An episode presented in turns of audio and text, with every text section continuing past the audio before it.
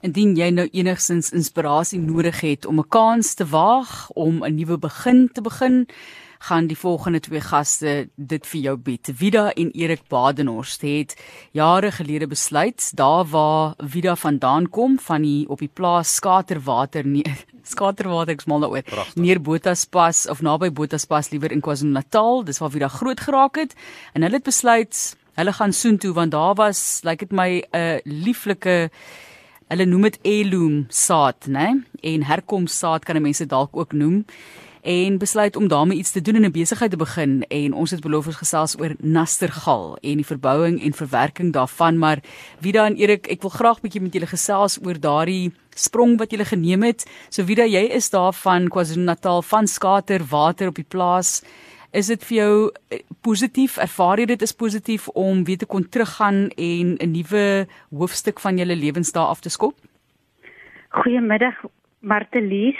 Weet jy my ouers het dit al die jare gedoen. Hulle het 'n kontrywinkel gehad en my ma se nastergal was absoluut die sterproduk van haar kontrywinkel en sy het dit seker vir 20 jaar lank langer gedoen en ons het in Pietermaritzburg in die stad gebly. Ek en Erik is nou al vir 30 jaar in die stad waar hy se prokureur gepraktiseer het en ehm um, op 'n stadium het hy gevoel hy wil 'n breek maak, hy het genoeg gehad en ehm um, ons het toe maar nie mooi geweet watter kant toe nie en uh, ons het toe besluit na ek baie versoeke ge gehad het vir Nastergal konfyt uh, om om in daai rigting te beweeg. Wat eintlik gebeur het, my maale het um toe 'n nou bietjie oud bejaard geword en afgetree en toe was daar nie iemand in daai omgewing wat die nastergaal doen nie en toe het ons nou maar ja besluit om daai roete te gaan.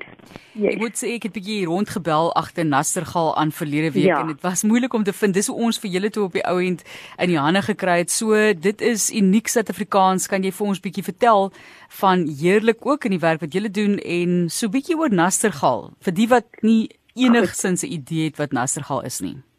Kom ek vertel, Nastergal kom eintlik nogal op baie plekke voor, hoofsaaklik in die Hoëveld van Natal, Vrystaat en Mpumalanga en ehm um, baie keer sal mense ook vir ons sê hulle kry dit in hulle tuine of in die mielielande. So dis dis inheems en ehm um, dit groei wild, maar ongelukkig met die ehm um, boerderypraktyke ehm um, roei die Roundup wat die boere dit gebruik vir die on, onkruiddode eh, roei die nastergal uit. So dit is nogal skaars om in die hande te kry. So Erik, jy's die man wat daarmee boer. Uh, dis nou Erik Badenhorst. Vertel vir ons van die boerdery. Hoe vergelyk dit byvoorbeeld sê met olyfbome of met jy weet 'n uh, boorde? Is dit nette? Hoe werk dit? Jong, uh, ek uh, ek is nog na ons tweede jaar wat ons besig is daarmee baie huiwerig om myself 'n volwaardige boer te noem, maar ek probeer my bes. Ehm um, ja, ek uh, sou sê dit is ehm um, amper 'n mikrotipe boerdery in die sin dat uh, jy uh, dis heeltemal verskillend van byvoorbeeld 'n kommersiële medieplantery of 'n uh, soja boerdery. En uh, nee, wat ons plan dit elke jaar uh, van die begin af en uh, ons gebruik saailinge en dit ehm uh, dit die aard van die plant is dat dit regtig redelik wild groei en uh, al die kante toe so dit maak dit 'n uitdaging omdat mens ook nie soos jy daag gesê het met onkruiddoder kan gebruik nie. So ja, dit maak die plukproses van die bessies 'n uh, uitdaging en dis ja, dis min of meer hoe dit verloop. Ja, is dit 'n jaarplant? Ja, dit is. Goed, en is daar enige dorings en goed wat 'n mens ook in ag moet neem? Nee, daar's uh, nie dorings nie. Uh dit is maar net eh, 'n uh, groot uh, uitdaging om die bessies bymekaar te maak, want die bessies is klein, uh amper soos 'n parel en dit word een-een gepluk. Ek sê dit is so groot soos 'n uh, ja, soos inderdaad soos soos 'n parel en dit neem 'n uh, baie groot hoeveelheid uh, bessies om uiteindelik 'n botteltjie vol te maak. En um, ek neem aan voels is ook lief daarvoor. Dui hulle dalk vir jou aan wanneer dit ryp is of nie, want ek verstaan ook dat dit giftig kan wees. jong, nee, ons uh, kyk maar na hoe die plant lyk. Die die bessies is uh, begin groen en dan word dit bietjie donkerder tot hulle uiteindelik 'n donker pers kleur kry. Die ja, die uh, feit dat uh, baie mense dit beskou as uh, giftig is nogal vir ons 'n groot uitdaging toe ons ons besigheid begin het en ons dit meer uh, op 'n groot skaal wou beskikbaar stel aan mense oor die hele land deurdat da, daar 'n groot verwarring is tussen ons inheemse nastergal en die uh, Engelse uh, uh, soort uh, van 'n uh, plant wat uh, in Europa gekry word en maar dit is iets heeltemal anderster. Ehm uh, ons plant ehm uh, nastergal wat uh, Solanum retroflexum is en wat uh, glad nie uh, giftig is nie. Maar die een wat jy oorseker is die soort genaamde Atropa uh, belladonna of die nightly uh, uh, jammer. Deadly nightshade deadly nightshade deadly nightshade ek wil net yes. sê ons is baie verlig nou aan die kant. Ja, ek moet sê uh, ek het al oproepe gehad van mense wat uh, veral Engelssprekende mense wat gesê het wel uh, ek is die dapperste boer wat hulle nog van gehoor het wat uh, wat 'n giftige produk uh, vat en dit uh, kommersieel beskikbaar stel. So ja dit is Voordat ons nou kom by daardie familieresep, Vida, jy moet slank dink wat jy bereid is om met ons te deel, né? O, dit is 'n groot geheim. Maar voor ons daarby kom, ek wil ook vir Erik vra want 'n mens kyk ook hierso na lewensbesluite wat geneem is en hy verwys so na die die plant en die pluk van hierdie bessies. Ons in jou geestesoog moet jy dit probeer sien, die Drakensberg, daar die Bergveld distrik in KZN Olivier Oliviershoek pas. Dit moet net pragtig wees om ook te sien. Maar Erik, jy het self ook 'n moeilike besluit gehad om te neem. Jy het eers 'n Camino gaan stap De Francis en jy het besluit om 30 jaar as prokureur te groet en daardie eerste stap te neem saam met Vida. So net vir jouself ook in terme van jou eie ontwikkeling, hoekom het jy besluit om hierdie hierdie eerste stap te neem?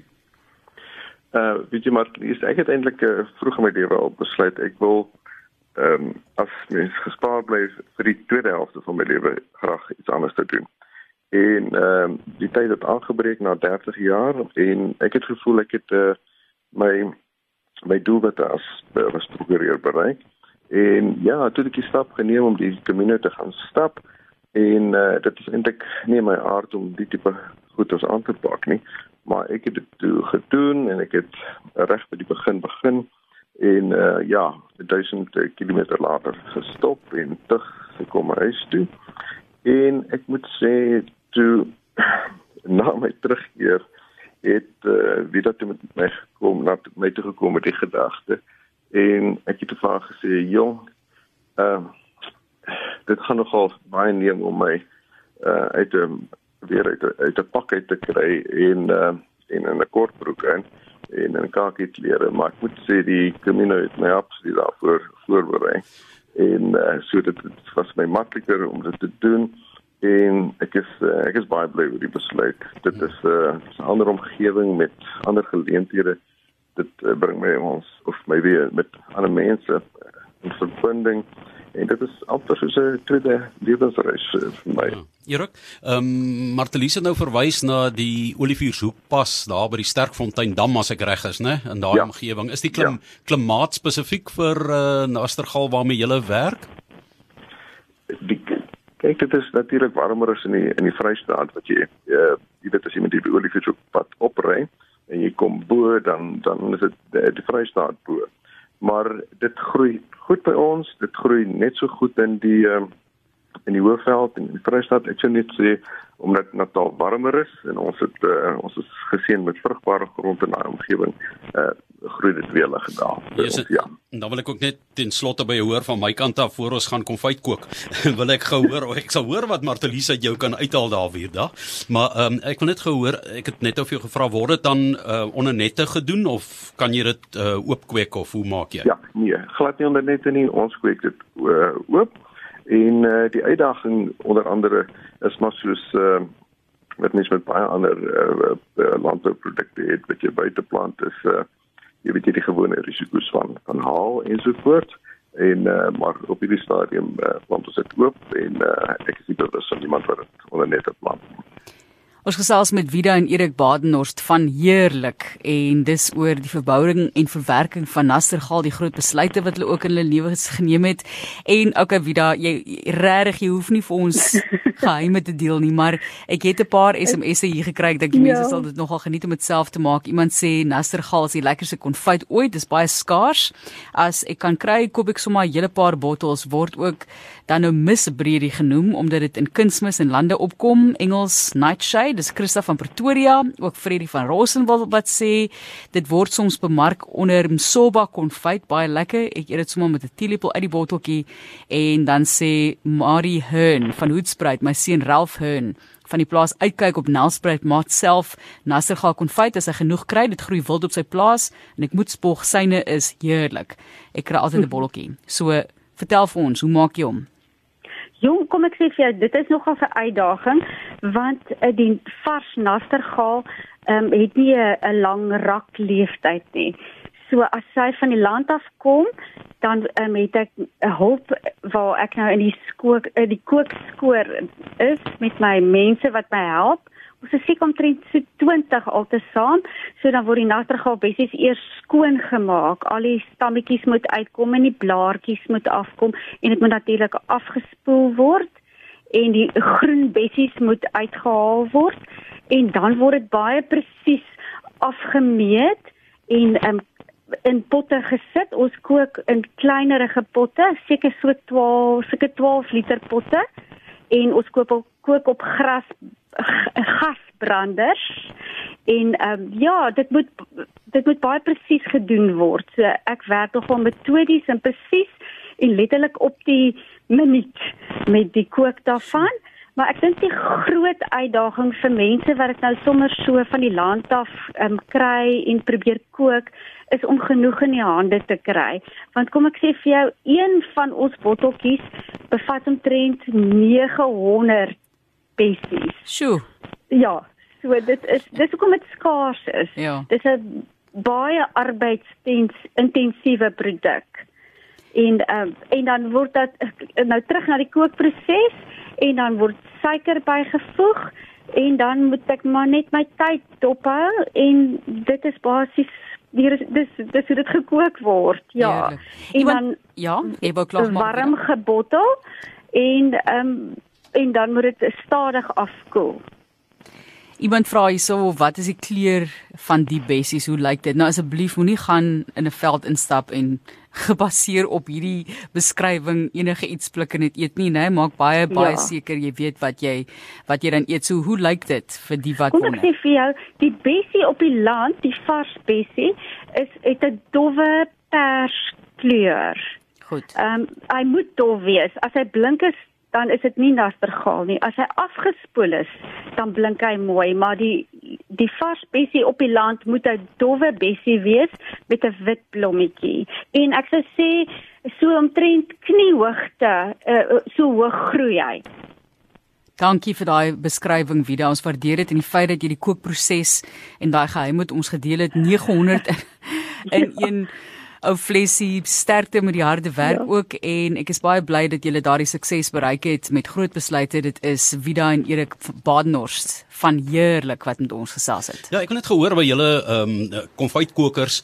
Ek onthou my ouma het by geleentheid ja. gesê jy gebruik dieselfde gewig suiker as wat jy vrugte gebruik. Ja. Werk dit so? Weet jy dit hang van jouself af. Maar as ek nou vir jou dit sê, dan gaan ek my geheim vir jou weggee. ek geweet ons nog geheim, so. ek het dit geweet. Ja. ons sien uit ja. om om dit ook te proe weer. Baie baie dankie daarvoor. Baie dankie. Baie dankie en sterkte. Erik ook, dankie vir die gesels. Dit is daardie pragt van handewerk en hy eintlik wat ons vandag ervaar het. Elise Konradi se familieresep natuurlik wat hulle gebruik het so nastergal of umsobu soos dit ook bekend staan daardie konfyt wat mense so geniet. Baie dankie weer eens Vida en Erik.